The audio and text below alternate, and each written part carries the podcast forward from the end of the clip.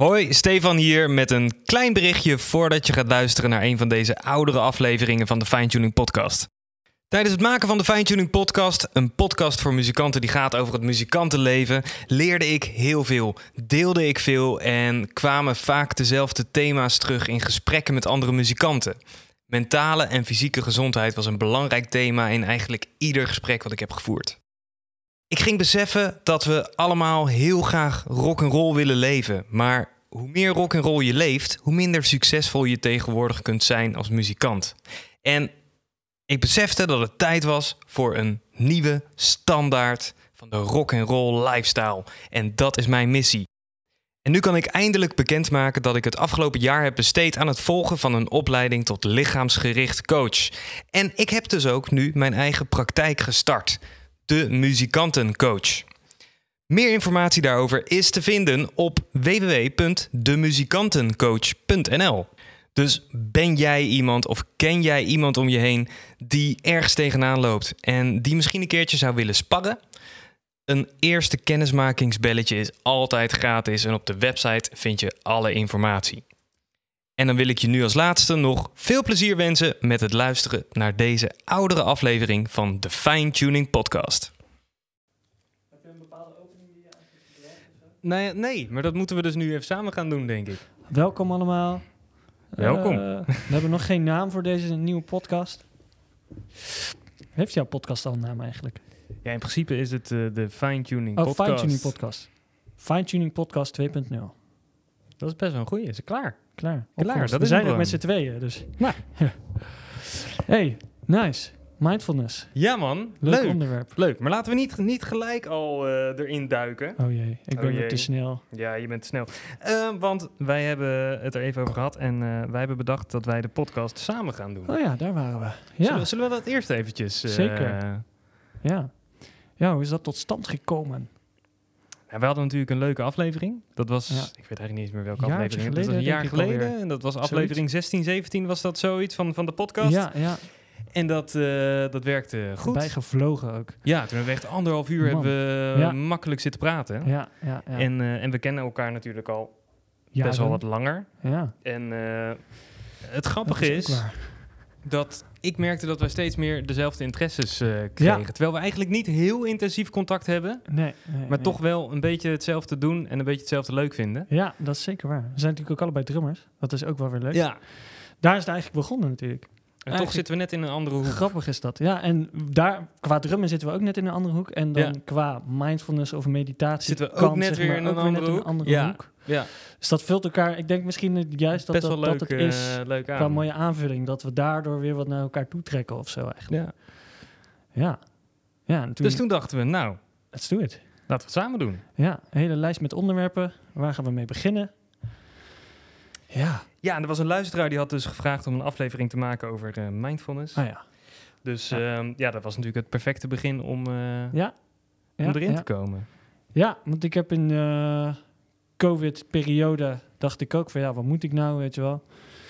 Heel veel dingen zitten bekijken van wat, wat vind ik nou leuk en wat zijn dingen waar ik eigenlijk altijd ook al mee bezig ben geweest. En dat is wel de meditatie en de mindfulness kant en ook de bewegingskant.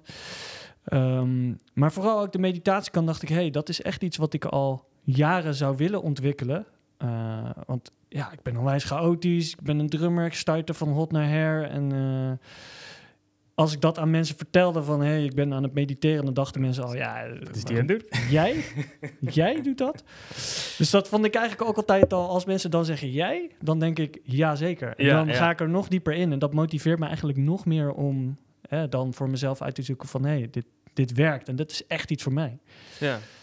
Dus zodoende ben ik in uh, coronatijd uh, heb ik een uh, opleiding gevolgd tot meditatie en mindfulness coach. Ben je daar al klaar mee eigenlijk? Ja, zeker. Oh, te gek. Ja, ja. Dat was toen nog niet. Nee, nee, absoluut niet. Vrij, vrij kort geleden ben je dat. Ja, dan, ja, ja. Ik ben, ik ben er in oktober mee begonnen. Dus januari, eind januari was ik er eigenlijk klaar mee. En ehm, Kijk, eigenlijk zie ik het zo. Het is eigenlijk net als met drummen. Je bent nooit uitgeleerd. En ik lees iedere keer weer iets waarvan ik denk, hey, oh, dat kan ik ook weer gebruiken voor mezelf. Dus Ja. hè, ik ben nu eigenlijk, heb ik al een soort basisinformatie en een mooie basis waarmee ik eh, mensen ook weer kan inspireren. Want dat is iets wat ik het leukste vind om te doen. Eh, en ik ben heel erg op zoek gegaan naar hoe kan ik het op mijn eigen leven heel erg toevoegen. Hè? Wat voor toegevoegde waarde heeft aan mijn leven en hoe past het in mijn leven? Dat vind ik ook het mooie aan, eh, aan mindfulness en meditatie, is dat je het altijd toe kan passen op je eigen leven. Ik weet niet hoe dat voor jou werkt. En op de situatie natuurlijk. ja, op de Ja. situatie nu zeker. En dat zou voor jou misschien ook zo, eh, zo zijn. Ja, wel op een iets andere manier, denk ik. Eh, want jij bent natuurlijk echt met mindfulness bezig. Ja. Ehm, en eh, misschien dan wel even handig om toch eventjes een klein beetje de definitie van, van mindfulness eerst eventjes te, be- te Ja. bespreken. Nou, je hebt het ook over gehad. Er Ja, zijn enorm veel definities voor, voor mindfulness, maar in het algemeen, in de algemene betekenis is het eigenlijk ehm, je bewustzijn creëren in de huidige eh, periode of de, eh, het huidige moment, om het maar even zo te zeggen, waar je nu bent. Dus eh, ik ben me heel bewust van, ik ben nu hier met jou aan het praten en ik zit niet ondertussen te denken, Aan wat ga ik vanavond eten? Ja. Shit, ik moet straks ook nog dit doen. Ik hoop wel dat we op tijd klaar zijn, want anders ga ik... Hè, dus je bent... Ons, ons brein is ook eigenlijk eh, geconditioneerd om constant te denken en vooruit te denken. eh, om, ja, om te groeien of om dingen te doen. Terwijl eigenlijk het enige moment van leven Is nu. is nu. Ja. En, en dat is waar mindfulness zich eigenlijk heel erg eh, in, het, in de algemeenheid eigenlijk op focust. En er zijn natuurlijk allerlei verschillende richtingen en, en mensen die daar bepaalde betekenissen aangeven door mindfulness op de kaart te zetten. Ehm, maar van origine, eh, vanuit de boeddhistische eh, eh, religie eigenlijk, is het Ja. ontstaan als een ja, inzichtsmeditatie ook. Van hè, alles wat er gebeurt om je heen, ben je bewust van. Dus ja, Ja. dat is een eerste definitie. Ja, en voor mij was dat dus inderdaad iets anders. Omdat ik, ehm, ehm, ik heb het al eerder over gehad, ook in de podcast, eh, dat ik echt aan transcendente meditatie inderdaad Ja. doe. En dat is ehm, eigenlijk eh, wat zij ook zeggen bij, bij, bij het intro wat je dan doet. Je doet dan een soort van introductie van wat het inhoudt en hoe het werkt. Ja. En zij zeggen daar eigenlijk, mindfulness is, je hebt natuurlijk verschillende meditatievormen. Zij zeggen, stel je voor dat je in een, eh, in een bootje zit op de oceaan. Eh, als je mindfulness doet, dan probeer je alle golven op te merken en alle bewegingen. Ja, ja. Maar zij zeggen dan, ja, dat is doodvermoeiend. Want je, je gaat dan alles opmerken, en alle kleine subtiele dingetjes. En zij zeggen, je kan veel beter onder de golven gaan zitten waar het rustig is. Ja, ja. En vanuit daar de rust ervaren, dan dat je daarboven gaat zitten en proberen ieder golfje op te pakken. ja, Dat is een beetje hun, Grappig. hun inzicht daarin. ja, Ehm, dus wat, nou ja, wat jij net vraagt, ik merk zelf dus wel dat je door die, dat is dan twee keer 20 minuten, door die twee keer 20 minuten meditatie te pakken, dat je gewoon gedurende de dag meer rust ervaart. En als Ja. je die rust hebt, dan is het ook makkelijker om inderdaad in het moment zelf te zitten. absoluut. Ja. En, en doe je dat elke ochtend bijvoorbeeld? Die Elke ochtend, eh, zodra ik wakker word, 20 minuten. Oh ja. En, En, dan, dan, in, de, in de loop van de, van de dag ergens middags of 's avonds nog een keertje 20 Oh minuten. ja. En eh, heb je dan een specifiek punt van eh, attention? Van, Ja, het is een eh, mantra-meditatie. Oh, ja, ja. dus je ja, herhaalt ja. eigenlijk constant een, eh, ja, wel een, een geheim, eh, Persoonlijk, ja. persoonlijk Is voor iedereen anders geluidje natuurlijk. inderdaad. Leuk, ja. Ja, en, dat, ehm, en dan ga je dus langzaam gewoon steeds meer die rust in.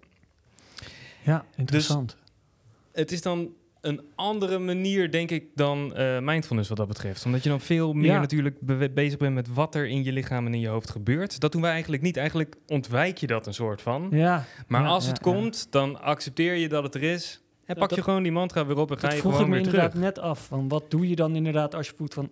Oeh, ik wil even verzitten of ik heb een spier of wat ga ik morgen eten? Oh shit, ik moet morgen nog Ja. dit doen of ik wil... Wat gebeurt, wat doe je met die gedachten in dat geval dan? Ja, nou ja, het komt op. Zij zeggen eigenlijk alles gaat in een cirkeltje.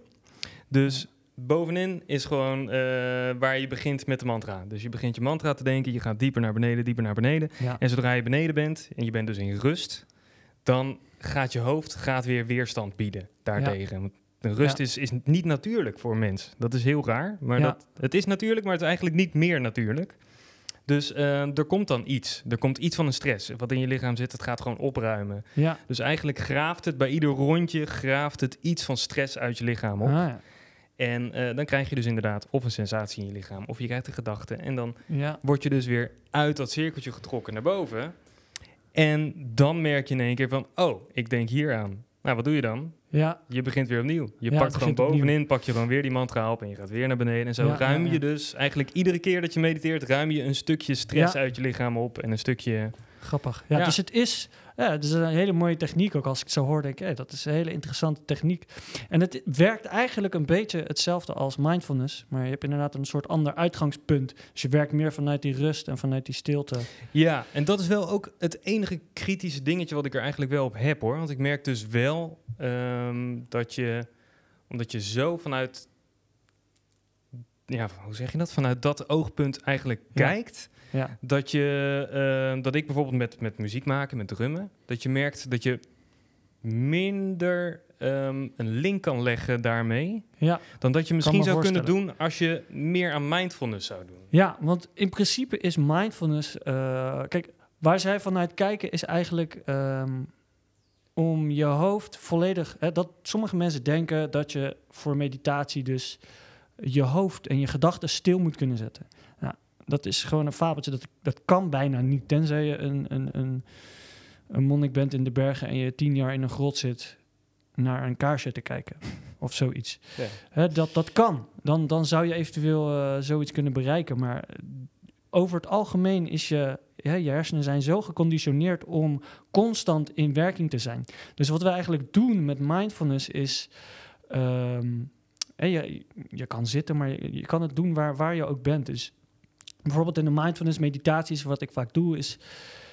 Ik eh, focus meest op mijn adem. Mijn adem, hè, je adem, iedere inademing is een nieuw moment en is een moment in het nu. En die ademhaling die daarvoor is geweest, die is geweest. En de ademhaling die nog moet komen, ja, daar denk je niet aan, want je bent, hè, Ja. die ademhaling haalt je dus eigenlijk altijd in het moment en in het nu.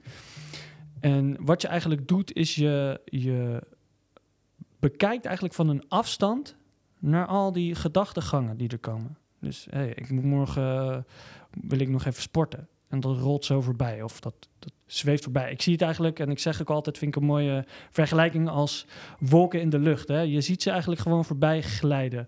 Of net als die golven. Het is niet dat ik iedere golf wil opmerken, maar als ik hem opmerk, ja, golf.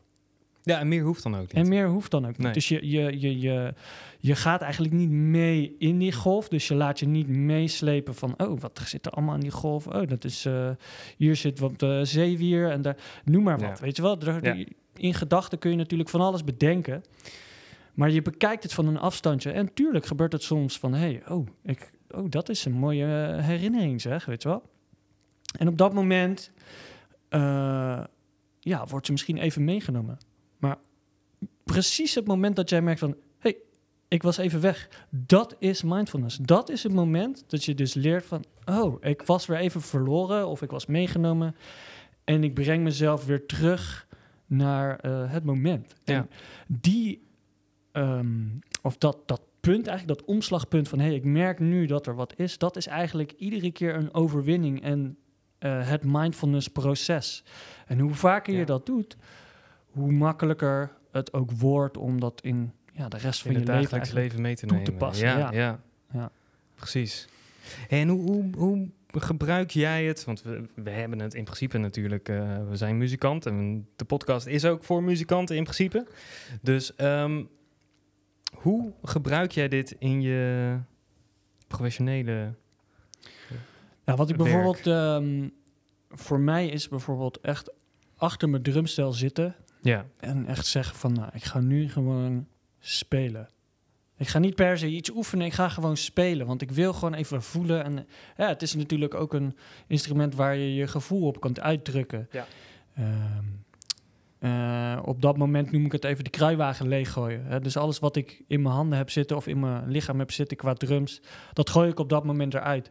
En dat is voor mij ook een meditatie slash mindfulness momentje. Want het enige waar ik dan ben, is op dat drumstel en ik speel. En ik laat alles los.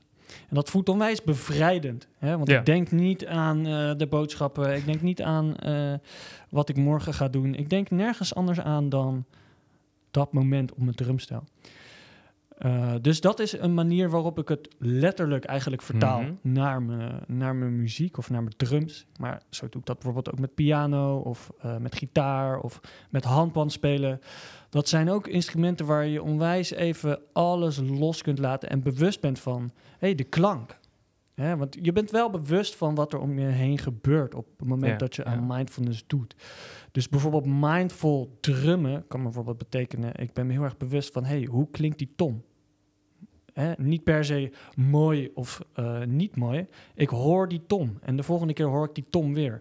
En ik hoor hem weer en ik hoor wat die klank doet. En ik hoor eigenlijk alles wat het doet. Maar ik, ben me, hè, ik laat me dus niet meevoeren in... oh, nou, die tom klonk, klonk die veel beter.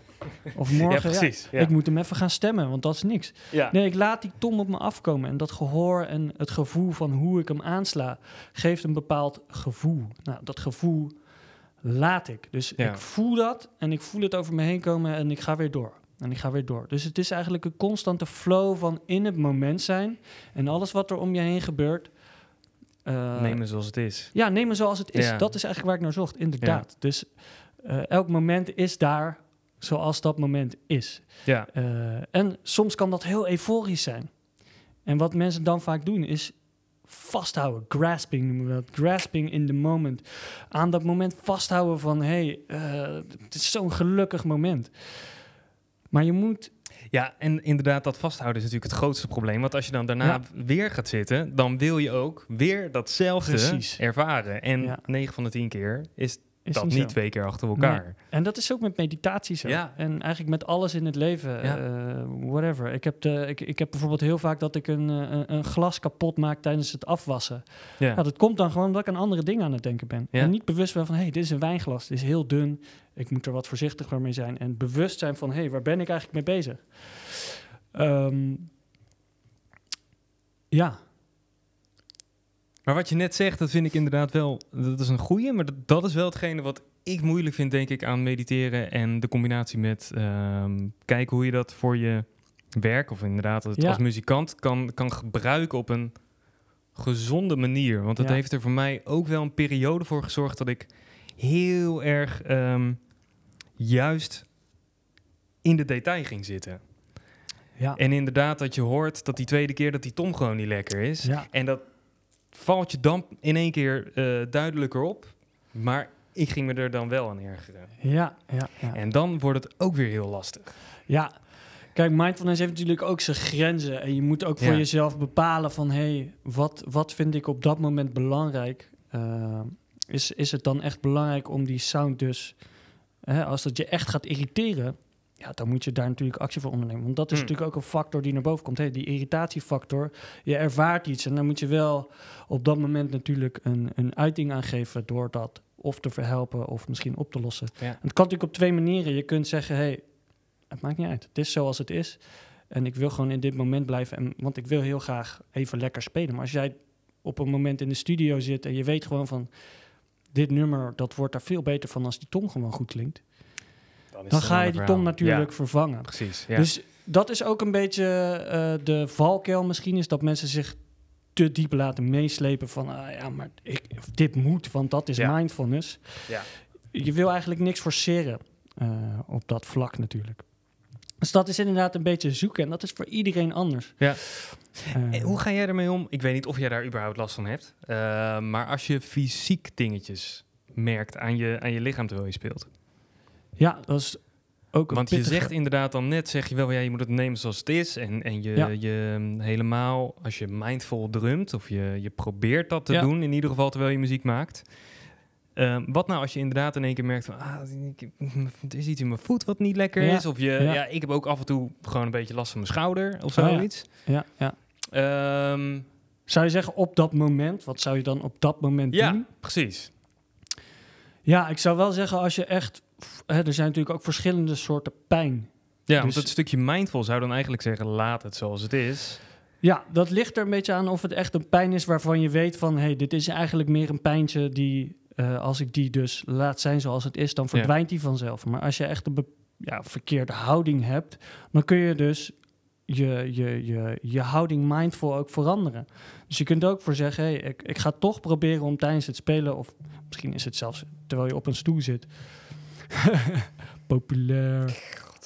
Ja. Je kan bijvoorbeeld eh, eh, zeggen, hey, ik, ik ga wel proberen om die houding te veranderen. Heb ik ook wel eens in de meditatie, als je voelt van ja, ah, ik zit gewoon niet lekker. Maar als je je bewust bent van, hey, oké, ik beweeg deze spier en ik let op mijn lichaam, is dit beter.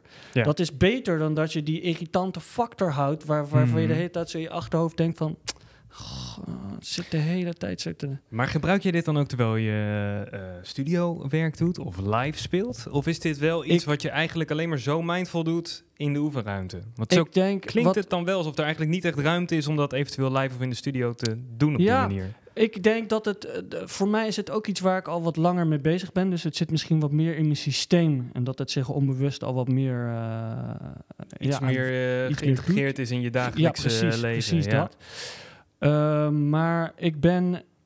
Eigenlijk probeer ik dus zo in het moment... te- Kijk, want bijvoorbeeld over een fysiek dingetje... Ik heb daar zelf eigenlijk nooit last van gehad. Dus dat Ja. vind ik ook een Lastig. moeilijk object nog om, om mee eh, eh, over te discussiëren. Omdat ik zelf eigenlijk nooit tijdens het spelen zo'n enorme last heb gehad van... oeh, ik heb echt last van mijn schouder. Of op een of andere manier... Ik ben fysiek in een goede staat en eh, ik had Ja. goede techniek gehad... en altijd goed op gelet.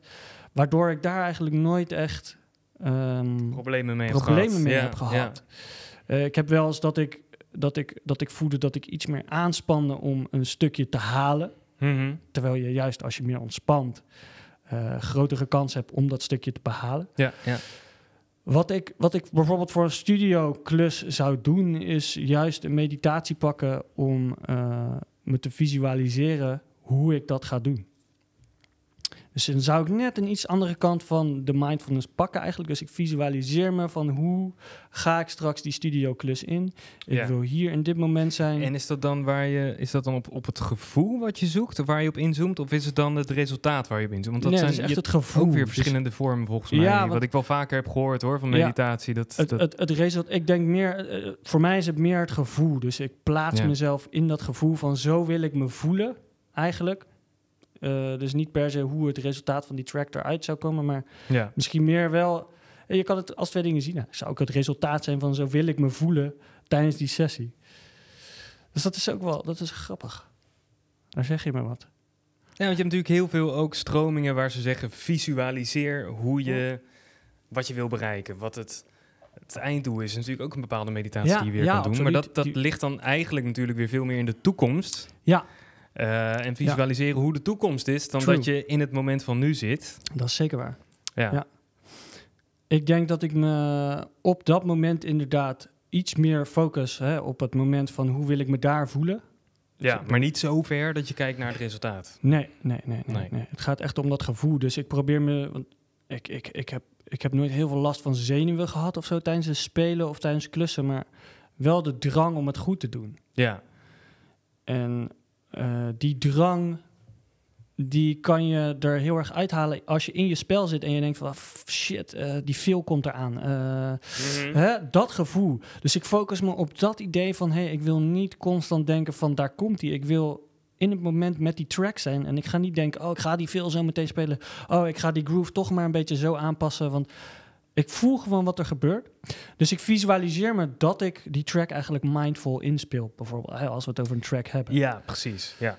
Dat is het meer, denk ik. Ja. En in hoeverre ehm, visualiseer je dan ook de details daarvan? Is het echt puur het gevoel? Of is het ook, ook dat je jezelf visualiseert dat je het nummer inspeelt? Ja, het gaat echt om het gevoel. Tenminste, ik zie mezelf daar wel zitten, maar Ja, ik zie niet de details van wat ik speel. Oh, ik moet die veel spelen of ik moet die ja, groove ja. spelen. Of, het gaat me puur om het gevoel van dat je ontspannen die track kan spelen, zonder dat je je constant laat afleiden door wat er moet komen of wat er eventueel gespeeld moet worden. Ja, Ik denk ook dat daar voor mij de magie in het muziek eh, maken ligt. Eh, daarom hou ik ook heel erg van jam sessies, waar je Mhm. gewoon begint met spelen. En je bent, je bent alleen maar in het moment. En op het moment dat ik een bepaalde klap maak, voel ik soms... dit gaat er nu gebeuren. En dan ja. komt het. Hè, het is niet dat ik denk, oké, het- je hebt ook wel eens momenten dat je denkt, nou, ik weet hoe ik deze track kan sturen, dat hij daarheen Mhm. gaat. Maar dat gebeurt in het moment. En dat kan je dus direct vertalen naar het moment. Eh, als je zit te typen op je computer, hoe snel werkt het wel niet hoe jij kunt vertalen van ja. direct? Dat is Ja. bizar. En misschien ervaar jij dat ook op je instrument. Maar ik vind dat een van de meest prettige vormen van spelen. Om gewoon te voelen in het moment, ik voel nu dit. En dat, ja, dat is eigenlijk iets wat ik altijd al heb gehad. En naarmate de laatste twee jaar zijn gevorderd, heb ik, ben ik dus meer bewust geworden van... hé, hey, dat is een soort mindful drummen. ja. En dat werkt voor mij. Ik weet niet hoe jij dat ervaart met als je bijvoorbeeld met mensen gaat schrijven in, in, in, in, of in een repetitie zit. Hoe je. Ja, ik moet zeggen dat ik dat niet echt weet, maar dat komt ook omdat ik heel weinig live heb gespeeld de afgelopen Ja, tijden. ja. Ik heb natuurlijk, ik heb toen, eh, ik heb nou ja, een tijdje natuurlijk die bandjes gehad en uh, Vuigtuig en toen Friends of the Family en Ja. dat, dat was nu, dat is nu alweer drie jaar geleden. Ja. En ik heb toen anderhalf jaar geen band gehad Ah, ja. en ook geen jam sessies gedaan en echt, echt gewoon helemaal, eigenlijk bijna niks gedaan wat dat betreft. Ja. Ehm, eigenlijk alleen maar les gegeven. Ja. En ik had nu net dus weer een nieuwe band voor corona. En toen eh, Ah, hadden we een hele tour staan. Ah, Eén optreden gedaan. En Jezus. het was klaar. ja. Dus, eh, dus die band gaat nog wel door. En we schrijven nog wel veel. Maar het is nu dus allemaal... eh, wat we nu doen is allemaal eigenlijk op afstand. Ja. Dus Ja. inderdaad, ja, we schrijven. Dus dan komt er een demootje. En dat demootje speel je in. Of je speelt Ja. het na. Of... Dus eigenlijk is alles heel erg voorbereid wat dat betreft. Ja, dus ja, ehm, ja, we zien elkaar ook één keer in de twee maanden, denk ik. Ja, ja, ja. Voor een repetitie. Om toch nog een beetje in contact te blijven. Ja. Ja, Maar, ja. Dus ehm, dat gevoel van echt. eh, in het moment muziek maken, dat, dat is er eigenlijk is er momenteel Nee. bijna niet. Nee, en ik heb mezelf nu een beetje gedwongen om ehm, eh, af en toe op social media wat drumfilmpjes te plaatsen. Ja. Dat deed ik eigenlijk ook nooit. Was te gek, die track. Dankjewel. Die, eh, wat had je nou laatst geplaatst? Ja. Ja, een Prince dingetje, Ja, en, ja, en oh ja, een die Beatle dingetje, een stukje Radio Love. En, en ik probeer dan juist voor mezelf te denken van... oké, ik doe dit nu voor mijn lol. Ik doe dit nu niet om leerlingen te krijgen... of om te laten zien van... joh, eh, dit is wat ik kan of zo. Het is dan echt, oké, ik heb er nu even zin in. Ik zet nu de camera aan en dan is het maar niet strak. Of dan is het maar eventjes rommelig of slecht opgenomen met Ja. één microfoontje. Of Ja. laat, het, laat ik het gewoon even doen. Het moet Ja. er even uit. Het is energie. En eh, ik denk dat dat ook hetgene, of het, het, het ding is wat mensen dan leuk vinden misschien om te zien. Ja. Dat het spontaan is en dat, dat Absoluut. zie je wel in een filmpje, vind ik vaak. Ja. Ehm, en dat is eigenlijk het enige stukje Ja. losse drummen wat ik Ja. eigenlijk nu eh, op dit moment doe. Ja. Dus dat is wel een beetje maf. Ja. ja. Dat dat zo, eh, zo en, weinig en wat, is. wat betreft mindfulness ook in, in, in, in werkomgeving, voor jou misschien. Eh, want je zit hier de hele dag ben je les aan het geven. eigenlijk. Ja, ja. Merk je niet dat dat op een gegeven moment ook een soort overload is bij, zeg, leerling 10 op de dag, dat je even denkt van, hoe. is, is bijvoorbeeld die transcendente meditatie ook Eh. iets wat daar een bepaald eh, hulpmiddel voor kan zijn? Is dat iets wat je ervaart? Dat je... ja, nee, eigenlijk juist het tegenovergestelde. Oké. Eh, ik, heb dat, ik heb dat een paar keer geprobeerd. En vooral toen ik eh, begon met die, met die transcendente meditatie. Dat was in juni, dus toen was het net weer een beetje normaal vorig jaar.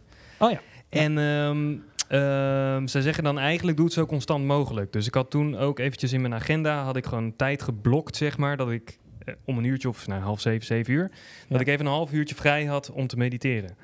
Ehm, maar ik werk eigenlijk normaal inderdaad, ik doe 10, 11 lessen achter elkaar. ja. En ik doe dat normaal gesproken zonder pauze. Hmm. Dus ik werk gewoon echt van 2 tot 9, zeg maar. Ja. En dat doe ik zonder pauze, gewoon non-stop achter elkaar. En eh, ik had dat nu dan dus niet. Want ik ging in één keer dat half uurtje meditatie erin doen. Ja. En juist omdat ik zo gewend ben dat ik alles achter elkaar doordoe, zit je normaal tijdens het lesgeven zo in een, in een constante flow van aandacht, Ja, ja, ja, die je dan kwijt bent. ja. Dus ik merkte wel dat die lessen daarna, eh, na die meditatie, dan rustiger waren. Ja, Omdat je wel natuurlijk in de loop van de dag steeds een beetje gehypter wordt. En je wordt steeds een beetje drukker en actiever. Ja, ja, ja. En, eh, ja. eh, maar ook moeier. Ehm, dus ergens werkte het wel voor mezelf misschien. Maar ergens ook weer niet helemaal. Het voelde Grappig. ergens dus niet helemaal relaxed. Nee, zeg maar. nee, nee. Dat je toch voor je gevoel je, je randje ja, dat is natuurlijk eigenlijk onzin, want je hebt juist dan weer even denkvermogen daarna ja, je hebt juist meer ruimte, om, zou je om die lessen goed te kunnen maar doen. ik maar kan me voor voorstellen, die flow waar je in zit, dat je daar inderdaad in wil zitten. En dat is ook wel iets wat ik, Ja, ja, waar ik bewust mee bezig ben. Hè. Als ik echt in een flow zit, ook al, ook al zit je thuis achter je laptop te werken en je zit in een flow, is het toch zo belangrijk om eigenlijk ieder half uurtje even vijf minuten even op te staan, gaan, even ja. te bewegen, even bewust zijn van, oh ja, wat, wat ben ik aan het doen? Weet je wel, ben ik nog lekker bezig? Of ook al zit je in een flow, maar dat vind ik altijd een hele lastige. Dat is natuurlijk heel persoonlijk. Ja, Dat is echt heel persoonlijk. En zoeken wat werkt voor jou. Eh, het is meer omdat ik daar zoveel mee bezig ben, ook met het bewegen. Dus het mindful bewegen, Ja. bewustzijn. Ja, als je de hele dag zo achter je computer zit, ook al zit je dan in een flow, is het echt super belangrijk om die. eh, eventjes... eh, ja, ik- even ja die dat is iets waar, waar ik echt aan moet werken. Ja, Ik, ik zit echt als een zoutzak. ja, je houding is echt ja, super ja, belangrijk. echt- Ja, ja, Ja, en dat kan ook echt veel doen voor je energie. ja, precies. Ja, Zo'n goeie hoor. Je Ja, moet er echt dat is- wel eh, iets... da- dat is nou iets waar ik inderdaad mindfuller over moet Ja. zijn. en dat is ook Ja. hoe mindfulness werkt. Ik zei al net, er zijn zoveel definities. Ik heb dus tijdens mijn opleiding steeds... eh, kijk, ik ben nog steeds aan het leren. Hè. Ik leer nog steeds dingen. Ik lees weer eh, andere dingen, nieuwe boeken. En iedere keer als ik de definitie van mindfulness ergens tegenkom, dan schrijf ik hem op. Dat vond ik leuk. Maar jij hebt ook een paar Nou, ik heb dus voorbeelden een paar... daarvan opgeschreven. Het niet? is wel in het Engels. Oké. Ehm, Dat is vast geen probleem. Nee, nou, de eerste is bijvoorbeeld de, de ability, dus mindfulness, the ability to pay attention to the present moment without judgment or reaction. Dus wat dat eigenlijk betekent is dat je eh, in het moment bent en niet, eh, stel dat je een bepaald moment hebt en eh, laten we het even bij muziek houden. Dus je bent aan het Ja. spelen, je bent een track aan het oefenen en je slaat een tom mis in je feel. Ja, dan kan je denken, godverdikkie, weet je wel, shit dat ik die mis. Hoe kan dat nou? Ik heb die track al tien keer gespeeld. Ja. Op dat moment, mindfulness... Mis je alweer een paar seconden van de track die je aan het mis- spelen ja, en dan, dan ben je eigenlijk meteen uit je track. En Ja. je bent dus bezig, daar had ik vroeger heel veel last van. Dat was, als ik één tik miste, dan was ik meteen eruit. Dat is zonde, want je je, bent verder ook niet perfectionistisch, jij. verschrikkelijk ook. Eh, wat ik daarmee wilde zeggen is dat je dus een, eh, een non-judgment, dus je, je, ik weet even het Nederlandse woord niet. Ehm, Eh, zonder oordeel. Zonder eh, oordeel, ja. Dus dat je op dat moment niet tegen jezelf zegt van... Jezus man, dat kan je toch beter? Maar dat je Ja. op dat moment zegt van... Hé, hey, het is oké man. Ik Ja. heb nog drie minuten van die track over om lekker uit te spelen. Geen- niemand die het hoort. Dat is ook vaak zo. En niemand hoort het. Alleen jij. Of de andere professional die in... de- en die zal dan denken... ah, lekker. Menselijk. Menselijk. Dat is vaak wat ze dan denken. Ja, ja. Nou had ik verderop dan nog een... ehm, even kijken... Mindfulness, ja, ik heb echt zoveel. Ik vind het namelijk heel prettig om dingen helemaal op te schrijven. Ehm, even kijken, waar is die? Nou, ik heb hier bijvoorbeeld ook een, eh, een, een, een, een- kwam ik iets tegen over eh, rushing mindfully. Dus haasten in, met mindfulness Oké, interessant. mensen denken dan, ja, eh, mindfulness is iets wat je, waar je de rust voor moet nemen. en waar voelt, voelt tegenstrijdig inderdaad. voelt tegenstrijdig. Ja, Ehm, dus wat je dan eigenlijk doet als je eh, haastig mindful doet, rush mindfully, is staying aware of all the sensations, the muscles and their faster movements. The breath, which will be faster, which will give a different feel. Dus je bent eigenlijk nog steeds op dat moment hè, bewust van, oké, ik voel inderdaad dat ik sneller aan het lopen ben en ik voel dat mijn spieren op een bepaalde manier bewegen. Dat, je hoeft niet te denken, oh, als ik nu mijn arm verder beweeg of naar rechts beweeg, dan zal het misschien minder snel kunnen bewegen. ja, ja. Daar gaat het niet om. Het gaat erom dat je dus bewust bent van, oké, hey, ik ben even wat sneller bezig, maar ik ben niet aan het rennen omdat ik snel van dat punt naar dat punt moet. Ja. Eh, bijvoorbeeld dat jij snel denkt, ah shit, ik moet even snel naar de wc tussen de lessen door en dan ga ik gauw weer terug. En terwijl je daar op de wc zit, denk je, eh, ik ga zo dit in de les doen, ik ga dat nog in de les doen Ja, en dan ja. kom je in de les en dan ga je eigenlijk meteen weer door. Ja. Dus dat vond ik ook een hele mooie. Ik heb hier nog, ik zag hem met staan. Waar ben je? Alles. Kom nou. Jij was hier toch?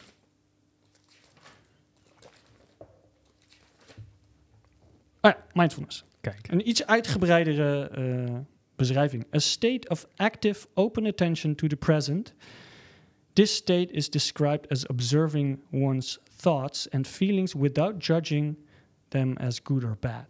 Dus er zit eigenlijk dezelfde intentie eigenlijk in. En dit, Ja. dit komt dus van een totaal ander boek of schrijver of, of website of zo. Ja. het is Ehm, allemaal gewoon in het moment zijn zonder te oordelen. Precies dat. En nu heb ik deze, vond ik ook wel belangrijk. Dat is eh, John Kabat-Zinn, eigenlijk degene die mindfulness op de kaart heeft gezet in de jaren 70, geloof ik, als een, eh, als een therapie eigenlijk. Mindfulness-based eh, of mindfulness-based cognitive therapy. Oké, ja. Ja, cognitieve therapie. Ja, ja, ja, precies. Ehm, wat hij zegt ehm, is eigenlijk paying attention on purpose in the present moment, non-judgmentally, as if your life depended on it. Dus alsof het het laatste moment van je leven is. Ja. Dus eigenlijk over het algemeen worden de, zijn de, hè, de, de, de eh, beschrijvingen ja, best wel hetzelfde eigenlijk. ja, Hier klopt. en daar wordt, eh, wordt er misschien iets toegevoegd of wat uitgebreider. Maar Ja. over het algemeen betekent het gewoon hetzelfde. En dat betekent dus niet dat je moet gaan zitten en moet gaan mediteren. Ja. Maar het kan zijn dat je denkt, hé, hey, ik ga vanavond mijn tanden poetsen. En ik doe het gewoon bewust, rustig. Ik voel de tandpasta, ik ja. voel de beweging op mijn tanden. Ja. Eh, Valt voor jou yoga daar ook onder? Of is dat wel weer een apart stukje? eh, nee, maar ja, yoga valt... Kijk, kijk, yoga is eigenlijk een... uit origine is yoga meditatie. Ja, Dus Precies, Die, ja. die, die bewegingen die, die zijn er met de tijd bijgekomen. Eh, en er zijn een paar eh, bewegingen die, je die er vanaf het begin bij zijn. Ik weet niet precies de geschiedenis hoor, maar... eh, yoga is voor mij zeker wel eh, iets wat je heel bewust doet. Want je bent constant bewust van je ademhaling. Je beweegt tegelijk met je ademhaling. Eh, je bent je bewust van de bewegingen die je lichaam maakt omhoog en omlaag. En ja, je, je luistert echt naar je lichaam en je bent dus heel erg in het moment met die bewegingen bezig. Maar valt het dan onder mindfulness? Officieel, Of is het een aanvulling op? dat is denk ik ook een aanvulling op. Ja, Kijk, hè? dat is, dat is wat ik eigenlijk wat, wat, je, wat je kan zeggen is mindfulness kun je overal op toepassen. precies. Dus ja. je kunt yoga heel mindful doen, maar vanuit de yoga is het zeker bedoeld om met je lichaam in dat moment te zijn. ja, Dus het is een mindful practice. ja, ja. Alleen noemen ze het yoga. Ja. Ehm, en dat, dat gebruik ik dus ook in mijn lessen. Gebruik ik ook altijd een klein stukje mindful movement. Eh, gebruik ik zachte bewegingen, bijvoorbeeld vanuit de Tai Chi, de Qigong. Dat zijn ook allemaal ehm, eh, ja, sporten of, of, of Ja. eh, niet, niet Maar- sporten. Laten, we- laten we zo even een korte pauze nemen. Ja. En dan eh, gaan we het daarna nog eventjes verder hebben over wat je nu doet. En hoe je dat Alright. allemaal combineert en hoe het er een beetje uitziet. Let's do that. Ja? Top. Welcome back.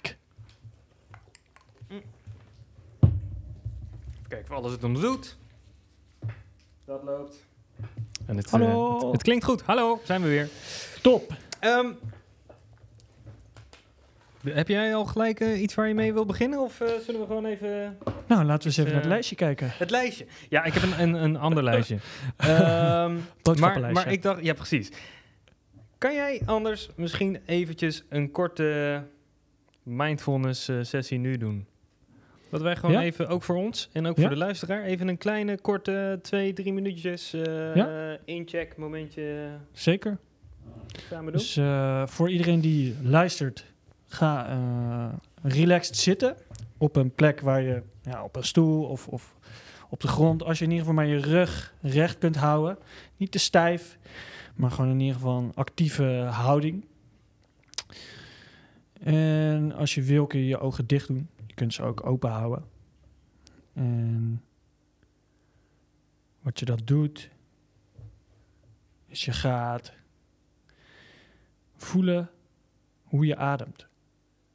Dus je gaat je focussen op je ademhaling. Dus bij de inademing voel je bijvoorbeeld je buik een beetje naar voren komen, omhoog komen. En bij de uitademing voel je die dan weer zakken. En dan volg je gewoon even dat ritme. En als een klein steuntje, zodat je met je gedachten bij je ademhaling blijft, kun je bijvoorbeeld bij iedere inademing zeggen in en bij de uitademing uit. En dat herhaal je dan even in stilte.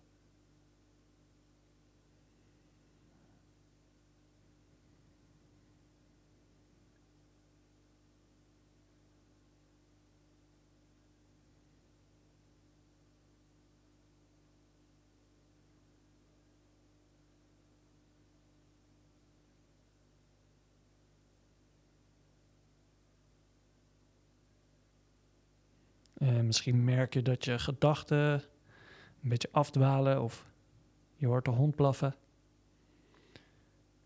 Geeft niet. Probeer je er niet door mee te laten slepen. Maar probeer een lachje op je lippen te toveren en zonder dat je er verder over nadenkt, je focus terug te brengen naar je ademhaling. En wat er ook gebeurt, als het weer gebeurt, laat die gedachten maar voorbij komen. En zie ze maar als wolken in de lucht voorbij drijven.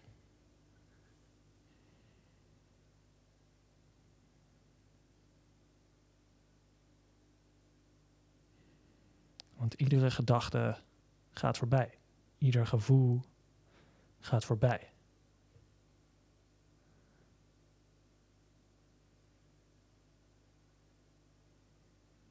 En ondertussen blijf je dus je adem volgen, in en uit.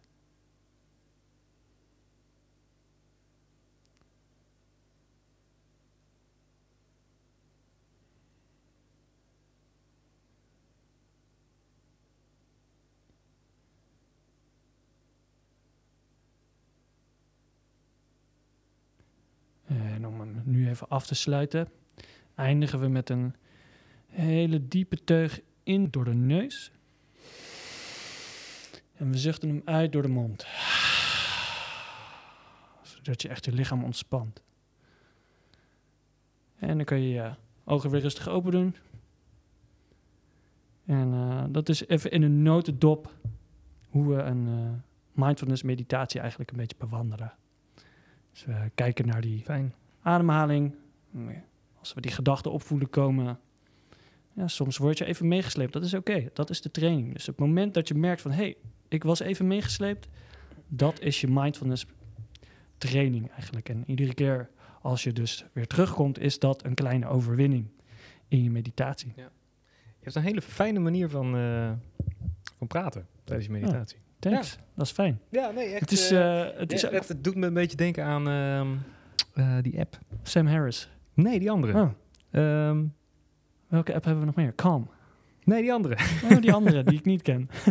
die hele bekende. Die nu ook een Netflix-serie heeft. ik kom er zo meteen nog wel op. Ja. Die gast die heet in ieder geval Andy, Andy Puttycombe of zo. Hij heeft een beetje een gekke naam. Ah, Maar um, doet me een beetje aan denken. leuk. Nou, fijn om te horen. Ja, het is wel grappig, want ik doe dus eigenlijk al mijn lessen in het Engels. Headspace. Headspace. Ja, zo heet die Oh, volgens mij. Headspace. Leuk. Ga ik Ja, echt een superleuke, Nice. superleuke app. Het is dus lastig, tenminste lastig. Het voelt eigenlijk heel makkelijk, maar ik doe dus al mijn lessen in het Engels. Omdat ik Ja. mijn opleiding ook in het Engels heb gevolgd. En ik heb gewoon een groot netwerk buiten, eh, buiten Nederland. En Dus het is even schakelen. ja, het ze even schakelen naar de juiste woorden. Maar Ja. ook eigenlijk wel heel fijn. Dus ik was me heel bewust van wat ik aan het doen was. Ja, was een ik, heel eh, fijn ik vind vooral je, je ehm, intonatie. Ja. Is dat het goede woord? Ja, hè? ja. Dat is heel fijn. Thanks. Ja, goed. Nice. Hey, ehm, voordat we doorgaan aan mindfulness, dacht ik, laten we ook nog even een klein stukje iets anders doen. Want eh, jij gaat natuurlijk nu eh, vaker eh, meepraten. Zeker. We, we gaan het in principe samen oppakken nu. Ja, Ehm, dus ik dacht, het is ook wel leuk als we jou en wij ook elkaar iets beter leren kennen. ja. Dus Spannend. ik had een, eh, een eh, vragenlijstje bedacht. Leuk. Gewoon een, een, een paar losse kleine dingetjes. En misschien Ja. kunnen we volgende keer wat anders doen. Ehm, maar de eerste keren. Wat was de eerste keer dat je ging drummen. Kan je dat nog herinneren? Eerste Wanneer keer dat dat ik was? ging drummen. Hoe dat was? Waar dat was? Oeh. Nou, de eerste keer waar het voor mij eigenlijk begonnen is allemaal is... eh, eh, wa- ja, ik had, mijn moeder die had vroeger een vriendin en die, die, ja, die, die was eh, van Afrikaanse muziek en zo.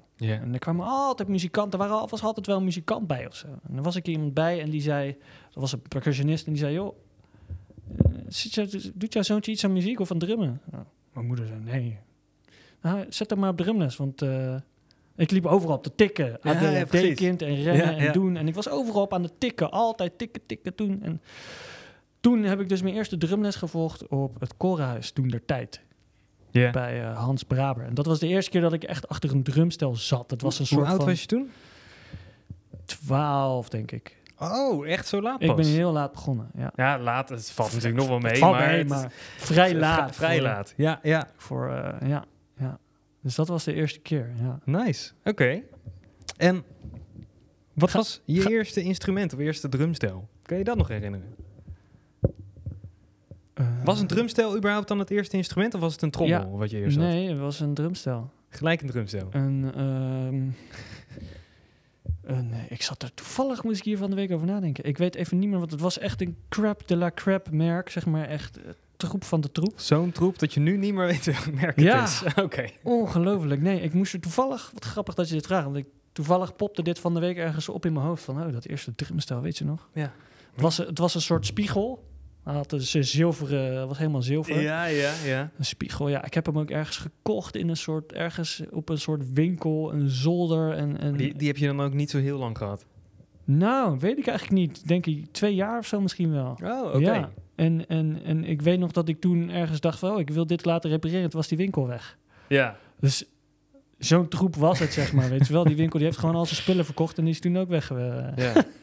super Sonic of zo? Nee, niet Super Sonic. nou, ik weet het niet meer. Maar, Oké. ja. Goed. Maar we- eh, een glimmend, eh, of tenminste een spiegelend... Ja, spiegelende Lekker fout, jongen. Hoppa. ja. Oké. Wat was het eerste moment waarop je besefte dat je dat voor de rest van je leven wou doen? Ehm, nou, ik ben dus begonnen op het jaar, ja, eigenlijk mijn eerste jaar van de middelbare school. En ehm, ja, toen ben ik een beetje door gaan trommelen en doen en van leraar gewisseld. En eigenlijk het eerste moment dat ik echt dacht, dit moet ik doen, was het moment dat ik eh, klaar was met mijn HAVO. En dat jaar deed ik mee aan de drum driedaagse. Oh, ja. En ehm, dat was het tweede jaar van de drum driedaagse. En toen had ik, ik weet niet meer precies bij wie het was, maar was bij een bekende drummer. En die, eh, die zei, eh Alor Suarez, dat was hem. Een percussionist ook trouwens, ook een drummer. Braziliaanse guy, echt top drummer. Dus die zei van, joh, wie, wie zou dit nou echt, eh, wie zou er nou echt willen drummen voor de rest van zijn leven? Toen dacht ik, ja, dit, dit wil ik. Maar toen had ik dus al, voordat ik was toen net eh, van de HAVO af, had ik al een studie uitgekozen van ik ga, eh, weet ik veel, iets, iets anders studeren. Want ik, ja, hè, drummen, hoe ga ik dat in hemelsnaam doen? Ja. En dat was een moment eh, dat ik dus al die studie had uitgekozen van, nou, weet je wat, ik ga niet voor drummen, want dat is allemaal, dat is heel lastig. Ik had het met mijn leraar erover gehad, Ernst van E, en die zei van, ja, het is wel echt pittig, hè. je moet echt, het is eenzaam en je moet echt hard werken Ja. om aan de top, top te komen. Dus toen dacht ik, weet je, misschien, eh, ik vind festivals organiseren vind ik leuk, een beetje de organisatorische kant, vind ik ook wel leuk. Ja. En ehm, dat was eigenlijk ook het punt. Ik, ik, ik was vroeger heel veel aan het sporten. Dus voor mij was altijd de afweging: ga ik sporten of ga ik drummen? En op een moment heb ik mijn teenbanden gescheurd met een, eh, met een trainingssessie. En toen kon ik niet meer sporten. Ja. Dus toen was voor mij ook de druppel van: nou, ik ga maar gewoon drummen. Dat was allemaal in datzelfde jaar. Oh, grappig om dit te horen, want ik ken jou natuurlijk van de middelbare school, van Ja. de HAVO. Ja, En toen was je inderdaad nog heel, toen was je ook wel aan het drummen, maar inderdaad nog niet Ja. helemaal ervoor, zeg zeker. maar. Ja, ja. En ik ken je daarna van inderdaad de periode dat je gewoon, voor mij, voor mijn gevoel, 20 uur per dag hier Ja. in de oefenruimte zat. Maar dat stukje wat ertussen zit, ja, dat weet ik eigenlijk dat is een heel niet. onbekend stukje ook. Ja. En dat, Ja. eh, dat is grappig. Ik vind het ook heel leuk om daarover terug te denken, eerlijk gezegd. Want dat was echt een moment. Ik was of ik ging sporten, Want ik had een Sport Plus pakket ook op mijn middelbare school, weet je wel. Ja, ik had Muziek Plus. Ja, Sport Plus. Ik had Ja, Sport Plus, ja. want ja, ja, sporten, weet je wel, voetballen, kickboksen, eh, allerlei martial arts en dingen en gaan. En toen raakte ik dus geblesseerd, waardoor ik gewoon niet meer mijn linkervoet, eh, waardoor ik niet meer kon sporten. Nou, die linkervoet had ik gewoon op mijn hi-hat. Ja, En, die, die eh, stond daar prima. Die stond daar prima, dus drummen ging prima. Ja. En eh, dus nou, dat viel allemaal samen. En toen dacht ik, maar ja, weet je, dat drummen, daar ben ik veel te laat voor. Want ja, ik was 16, 17. Dacht ik, ja, ga ik dat nu nog allemaal, eh, moet ik daar nu nog helemaal voor gaan? Weet je, ik kon net eh, drie ritmes spelen eigenlijk. Want zoveel drumde ik niet. ja. En eh, toen was ik dus op die drumdriedaagse, en, nou, dat verhaal. En toen begon ik dus toch maar aan die studie. Ja. Want ja, ik dacht, ik heb me hier toch al voor opgegeven. Maar ik voelde me echt, ik kwam met tranen. Na die drumdriedaagse kwam ik thuis tegen mijn vader van... Shit, ik moet muziek maken. Ik heb verkeerde keuze gemaakt. Hij zei, nou, weet je, eh, ga deze studie nou maar gewoon proberen. En als het echt niks is, dan stop je. En dan ga je het alsnog doen. dacht ik, nou, fair. Klinkt als een plan. Dus het klinkt als een goed plan. Mijn Ja. ouders steunen me daarin. Nou, dat wist ik eigenlijk na een half jaar, eh, of nee, in december al. Dus je begint in september en in december na de kerstvakantie. Oh, het punt, mijn omslagpunt was... Ik heb Forrest Gump gekeken in de kerstvakantie. Forrest Gump. Als je die nog niet gezien hebt, ga hem kijken. Heb je hem gezien? Met Tom Hanks? Forrest Gump. Niet. Niet? Ik weet dat het een klassieker is. ik weet dat maar volgens mij heb ik hem niet gezien. volgt gewoon zijn hart. Het is een beetje een bieletje, maar hij volgt zijn hart en hij doet alleen maar wat hij wil. Waar hij voelt van, dit moet ik doen. En ik keek die film in de kerstvakantie en toen zag ik een optreden van een vriend van mij, Tim van Tol, waar ik nu dus mee speel. Die was een enorme inspiratie voor mij. dat dat ook zo Ja, samenkomt. Die zei toen, ja maar Ed, gast, als jij wil spelen, dat dan. spelen. Weet je, volg je hart. En toen na die kerst heb, ik- Ja. ben ik thuisgekomen naar die gig en toen heb ik uh, Forrest Gump gekeken. Toen heb ik gezegd tegen mij, ik ga stoppen. Ik ga spelen. Nou, toen heb ik eh, dus vier jaar auditie moeten doen voor het. En dat vonden je ouders oké?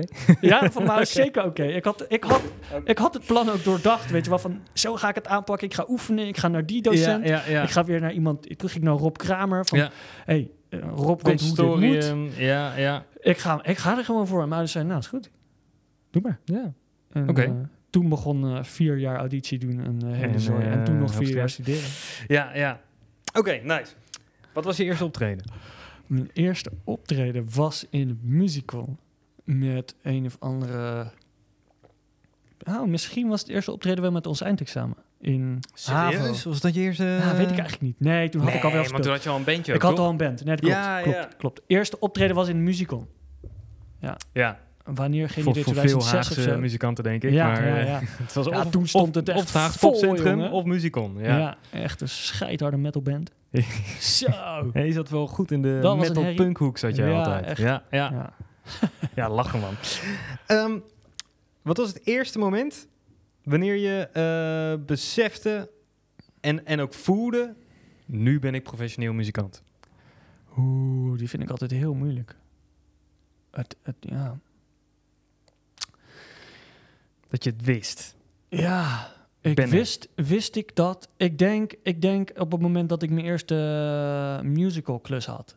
Toen had ik, dat was mijn eerste grote tour. was dat natuurlijk was wel een flinke. Shea Ja. Was, eh, wat was het, 150 shows in eh, vier maanden of zo. Dat was echt gewoon zes, zeven keer in de week spelen. Ja. Dat was eigenlijk het gevoel, dat, dat, dat was het eerste gevoel van wow, weet je wel. ja, Ik verdien het moment dat je mee. dat, dat dat rond was. Ja. Dat je daar zat. Ja, ja. Mooi. nice. De laatste.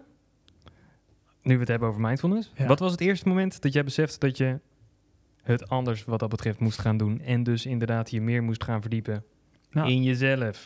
hetzelfde moment. Op het moment dat ik dus die klus kreeg, Ja. studeerde ik, was ik in mijn tweede jaar op consortium. Ik begon mijn tweede jaar pas. En zo'n klus is gewoon fulltime. Ja, is fulltime werk. maar een consortiumopleiding ook. een consortium ook. Ja. En ik dacht, "Peh, dat kan toch. dat kan ik gewoon. Hè? Want ik heb dus vier jaar auditie moeten doen om op die opleiding te komen. Nou, dat is echt, dat was echt heavy. De derde keer was het, joh, eh, we mogen maar zes mensen aannemen. Je bent nummer zeven op de lijst. Ja. Ja, dat was verschrikkelijk natuurlijk, maar ik, ik heb alles opgepakt. Ik heb twee maanden heb ik echt een beetje een soort, een soort put gezeten. Toen dacht ik, nee, ik moet naar het consortium. Ik ga dit gewoon doen. Vierde jaar werd ik aangenomen, topjaar gehad. Tweede jaar die klus binnen. En toen dacht ik, yes. En ik ga gewoon alles tegelijk doen. Ja. Want dat kan ik gewoon, want ik Ja. ben er nu eindelijk. No way dat ik ga zeggen, ik, Fit. Ja, Hup, ik ga niet klaar. stoppen Ja. met mijn opleiding eh, of, of om stilzet. Ik dacht, Ja, nou, daar gaan ja. we niet aan beginnen. Nou, er werd allemaal veel te veel. En, en persoonlijke situatie was ook een, een, een ramp. En dus het was allemaal heel intens. Waardoor ik eh, ja, overspannen ben geraakt. En waardoor ik echt gewoon eh, op, op een moment op het conservatorium aankwam op school. En dat ik gewoon door mijn benen zakte. En dat ik Heftig man. ja, ge- ik heb geen idee meer hoe ik naar huis ben gekomen. Ik ben in bed gaan liggen en de volgende dag, ik heb 24 uur lang in mijn bed gelegen. Toen moest ik eruit, want ik moest spelen. Ja. Ik moest die show spelen. En dat was eigenlijk het enige waarop ik dacht, oké, dit, dit, dit moet ik doen. En de rest heb ik allemaal laten vallen. Goed. Ja. Toen, eh, toen heb ik echt diep in de put gezeten en toen ben ik met een psycholoog gaan praten en die zei, jij moet gaan mediteren. Jij moet, jij moet je, je- ik ook met mijn ouders over gepraat. En, en, en ja, op den duur ga je toch met iemand anders praten, want die staat er gewoon blanco in. Ja. En op dat moment besefte ik, dat was in 2016 dan, denk ik of zo. Mhm. Dat moment was eigenlijk van, oké, ik, ik moet hier meer mee doen. Nou, toen ben ik dus meer onderzoek gaan doen naar, oké, eh, luisteren naar mijn lichaam. En, en Precies, want nu kom je eigenlijk weer even terug op het gesprek. ja, Waar begin je? ja, waar begin je? Wat, wat, ja. Nou, dat, dat, de eerste keer wat ik eigenlijk altijd met, eh, was dus eigenlijk samen met die psycholoog, was om in die ruimte eh, een meditatie te doen. Dus om te gaan zitten ook en om, ja, hoe begon ik daarmee al? Het was echt puur ehm, naar binnen kijken en kijken van, hé, hey, wat gebeurt er? Weet je, mijn hartslag was hoog, want ik was altijd gestrest. Ik was onwijs Ja. druk bezig. Dus het begon echt met ademhaling eigenlijk, ademhaling. ja. Je adem rustig houden. Eigenlijk een en- beetje wat we net deden. Ja, eigenlijk Zo'n- dat is eigenlijk de eerste soort meditatie waar ik mee in contact ben gekomen. En daarna met een bodyscan. Dat is iets wat voor mij heel goed werkt en dat is Heb je ook op YouTube, eh, heb je daar een, eh, Ja, heb klopt. je een begeleide Ja, begeleide bodyscan. toch? Ja, precies. met een beetje sound ook erbij, want dat is Ja. ook natuurlijk mijn, eh, mijn ding, is geluid of muziek bij de meditatie maken vind ik heel interessant. Bodyscan is wat voor mij heel erg werkte. Dus je gaat echt van top tot teen naar je lichaam helemaal naar beneden. En En gewoon voelen. Ja, je gaat heel Ja. erg voelen en in elk lichaamsdeel ga je ademen. Ja. Eh, dat is eigenlijk een beetje hoe ik ermee ben begonnen. En toen was het eigenlijk een beetje af en aan. En toen dacht ik, joh, ik kan het allemaal wel weer. En Mhm. weet je wel, eh, het was eigenlijk altijd een beetje zoeken in die afgelopen, afgelopen, hoeveel jaar is het nu? Vijf jaar geleden dan. Ja, zoiets. Ja. En eh, eigenlijk sinds ik heb ontmoet, mijn huidige partner, die eh, dat is 2,5 jaar geleden. Toen had ik, denk een half, les laten zeggen, drie jaar geleden. Daarvoor was ik net een half jaar bezig met Mediteren? mediteren en, en een yogaatje doen af en toe. En Joy is yoga docenten. En toen, eh, toen was het echt raak. Toen ging ik, mee, ik ging mee naar elke les. En nou ja, iedere week ging ik wel weer iets anders doen. En Ja, ja. dat was echt het moment dat ik daar echt in rolde. En echt dacht van, hey, wow, hier is echt wat te halen voor mij. Ja. Dus dat heeft ook een eh, langzame opstart gehad. Ja. Ja. En als je nu die, die, want jij geeft nu les, Ja. ook mindfulness lessen, Ja. iedere maandag. Iedere maandag geef ik in ieder geval via Zoom een les. En Ja, ja. We zouden natuurlijk, eh, ik had, we zouden met yogascholen ook, eh, zou ik ook een les gaan geven, maar dat nou, Is nu ligt even natuurlijk allemaal stil. Ja. Ja, dus die doe ik vanuit mezelf inderdaad op maandagavond. En wat we dan doen, eh, ik begin vaak met een relaxte meditatie. En wat ik heel interessant vind, we hadden het er net even over, is dus eh, verschillende facetten onderzoeken. Dus Ja. je kan verschillende ademhalingstechnieken doen. Ehm, je kunt verschillende eh, dingen meegeven in de meditatie. Dus bijvoorbeeld eh, reactive en non-reactive. Dus wel reageren of niet reageren op een, re- of op een emotie of iets Ja, wat je voelt. iets wat er gebeurt. Ja. Dus ik, ik geef altijd verschillende dingen mee. Geen enkele les is eigenlijk hetzelfde.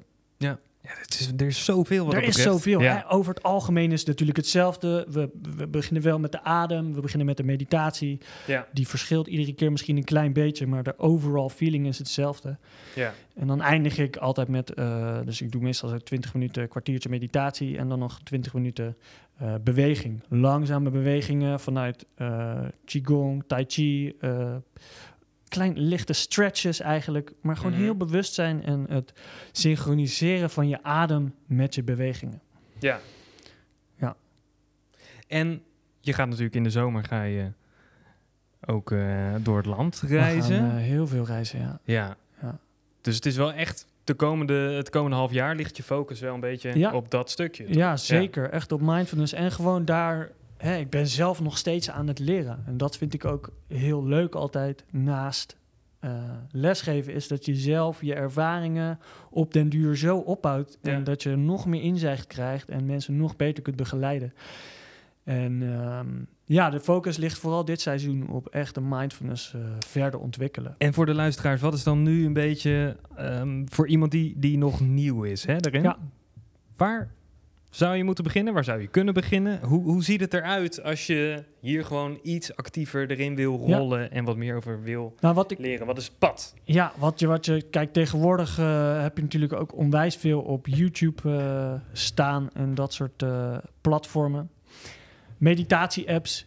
Eh, je hebt hele goede meditatie-apps waar mensen eh, een soort van Welke vind je goed? eh, waking up vind ik te gek. Maar ik moet zeggen, waking up is niet echt voor de beginner. nee. Waking Heb Up- jij dat boek van hem gelezen? Nee, dat nog niet. dan even weer een Harris, verder. nee, Sam. Harris, ehm, Ik weet welke je bedoelt, maar hij is. Waking Up. Dat was hem. Die, Ja. Het komt vanuit het stoïcisme. En het stoïcisme is een bepaalde filosofie die best wel moeilijk te bevatten is, zeker voor een beginner. Ja. Eh, dus dat zou ik niet per se als beginner aanraden. Calm, de app Calm, is te gek.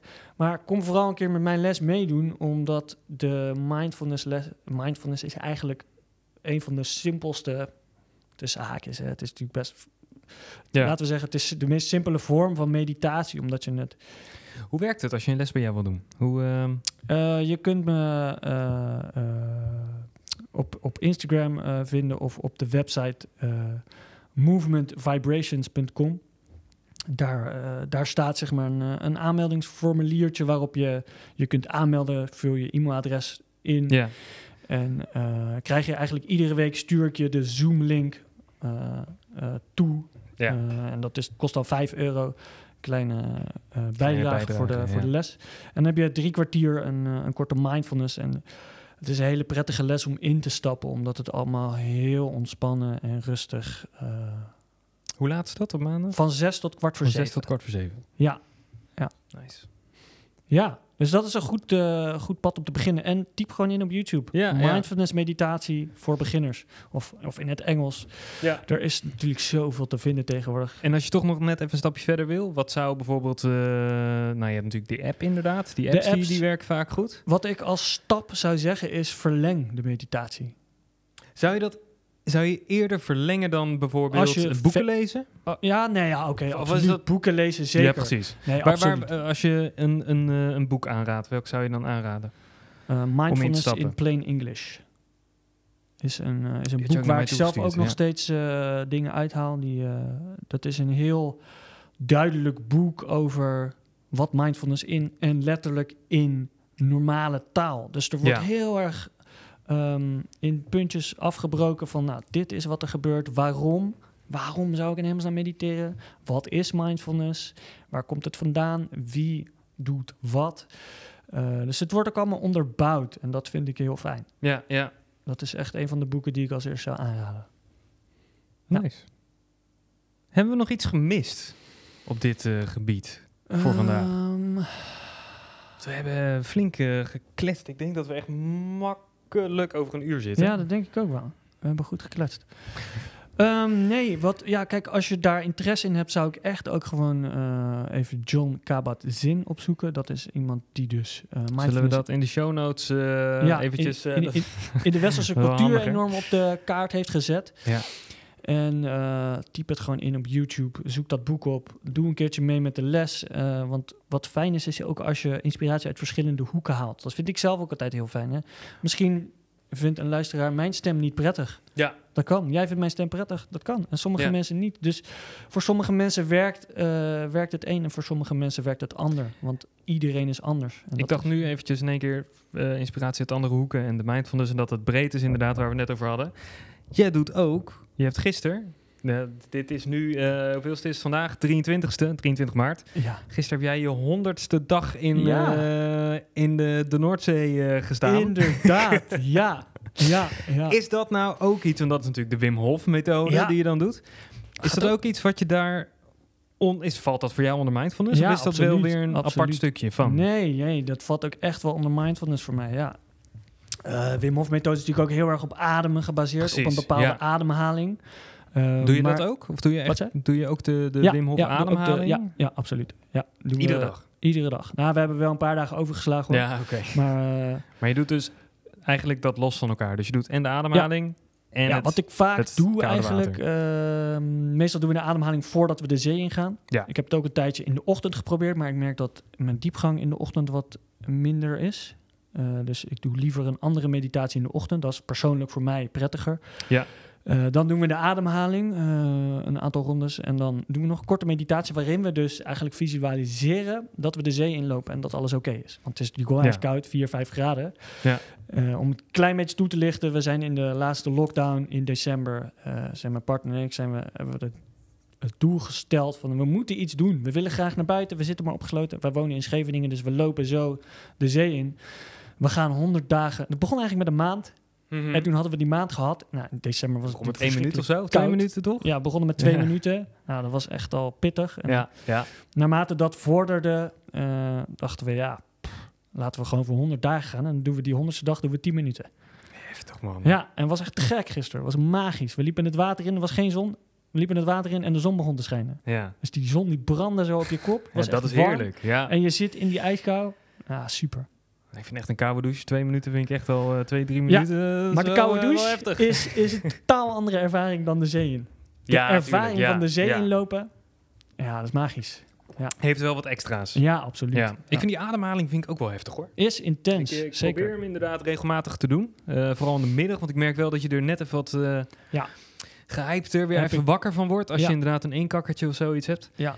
Maar ik vind hem wel na twee rondes dat ik wel vaak die derde een beetje er tegenaan loop te hikken. Ah, ja. Omdat je dan toch merkt dat je lichaam, en je gaat natuurlijk onwijs tintelen en zo. Voor, de, Ja. voor mensen die het nog niet hebben geprobeerd, doe het zeker. Want het is een Ja. hele rare ervaring. Je, je handen gaan een beetje Ja. tintelen, je vingers worden een beetje Ja, ja, nam, een beetje eh, Ja. duf. Ja.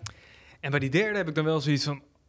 eh, mijn lichaam Ah, ja. voelt een beetje alsof het tegenwerkt. Terwijl Ah, het eigenlijk goed is natuurlijk. Ja. En dat weet je dan ook wel. Maar dat is vaak eventjes zo'n zo'n hersenspelletje van... Het voelt niet zo lekker, maar ik weet dat het goed is. ja. Moet je dan toch die laatste nog even pakken?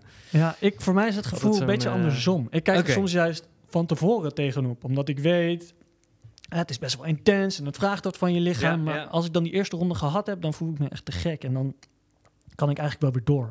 Ja, en dan voel ik me weer een stuk beter. En ik vind juist dat gevoel van die hele tinteling. Dus je staat zo in contact met je lichaam. Ja, dat... ga- dat vind Precies, ik geweldig. En dat is echt een mindfulness zijn van je, een mindful zijn van je eigen lichaam. En dat, Ja. ja. dat vind ik magisch om, om al die tintelingen te voelen. En Ja, zie je, dan ben je- Oh, daarin ben je, je bent er gewoon net even eh, Ja. al wat verder in. Ja, Ja, precies. Dat is wel eh, wat gek. ja. Top. Hey, en die, eh, die vragenlijst, moeten we die niet voor jou ook doen dan? Of doen we dat bij de volgende? Ja, ik misschien de volgende dan, toch? Dan Ja, mag ik de vragen stellen. Dan, dan bedenk jij de vragen. ja, precies. Dan doen we het op die manier. Cool. Toch? Nice. Ik denk dat we er wel een beetje zijn zo. Ja, man. ik denk dat we een hoop hebben. En eh, Leuk. we zetten natuurlijk alle linkjes naar jouw website en je lessen Ja. en zo gewoon allemaal eh, beneden in de show notes. Ja. Ehm, Te gek. En ook eventueel linkjes naar boeken en YouTube-video's, denk ik Ja, ook. hoor. Dat dat we gewoon, eh, ja toch? Ja, Maak er even een compleet eh, dingetje van. eh, aan te bieden. Precies, ja. Zeker. En dan ehm, denk ik volgende maand weer. Ja. We zouden het één keer in de maand gaan doen. Laten nu we ook. dat zeker Ja, doen. precies. Dus, onwijs dus dan in mei, de volgende aflevering. Te gek. Leuk. Let's do it. Leuk. Goed man. All right. Hey, bedankt voor je tijd weer. Ja, ja, ja. En ik zie je volgende keer. Yo. Hoi.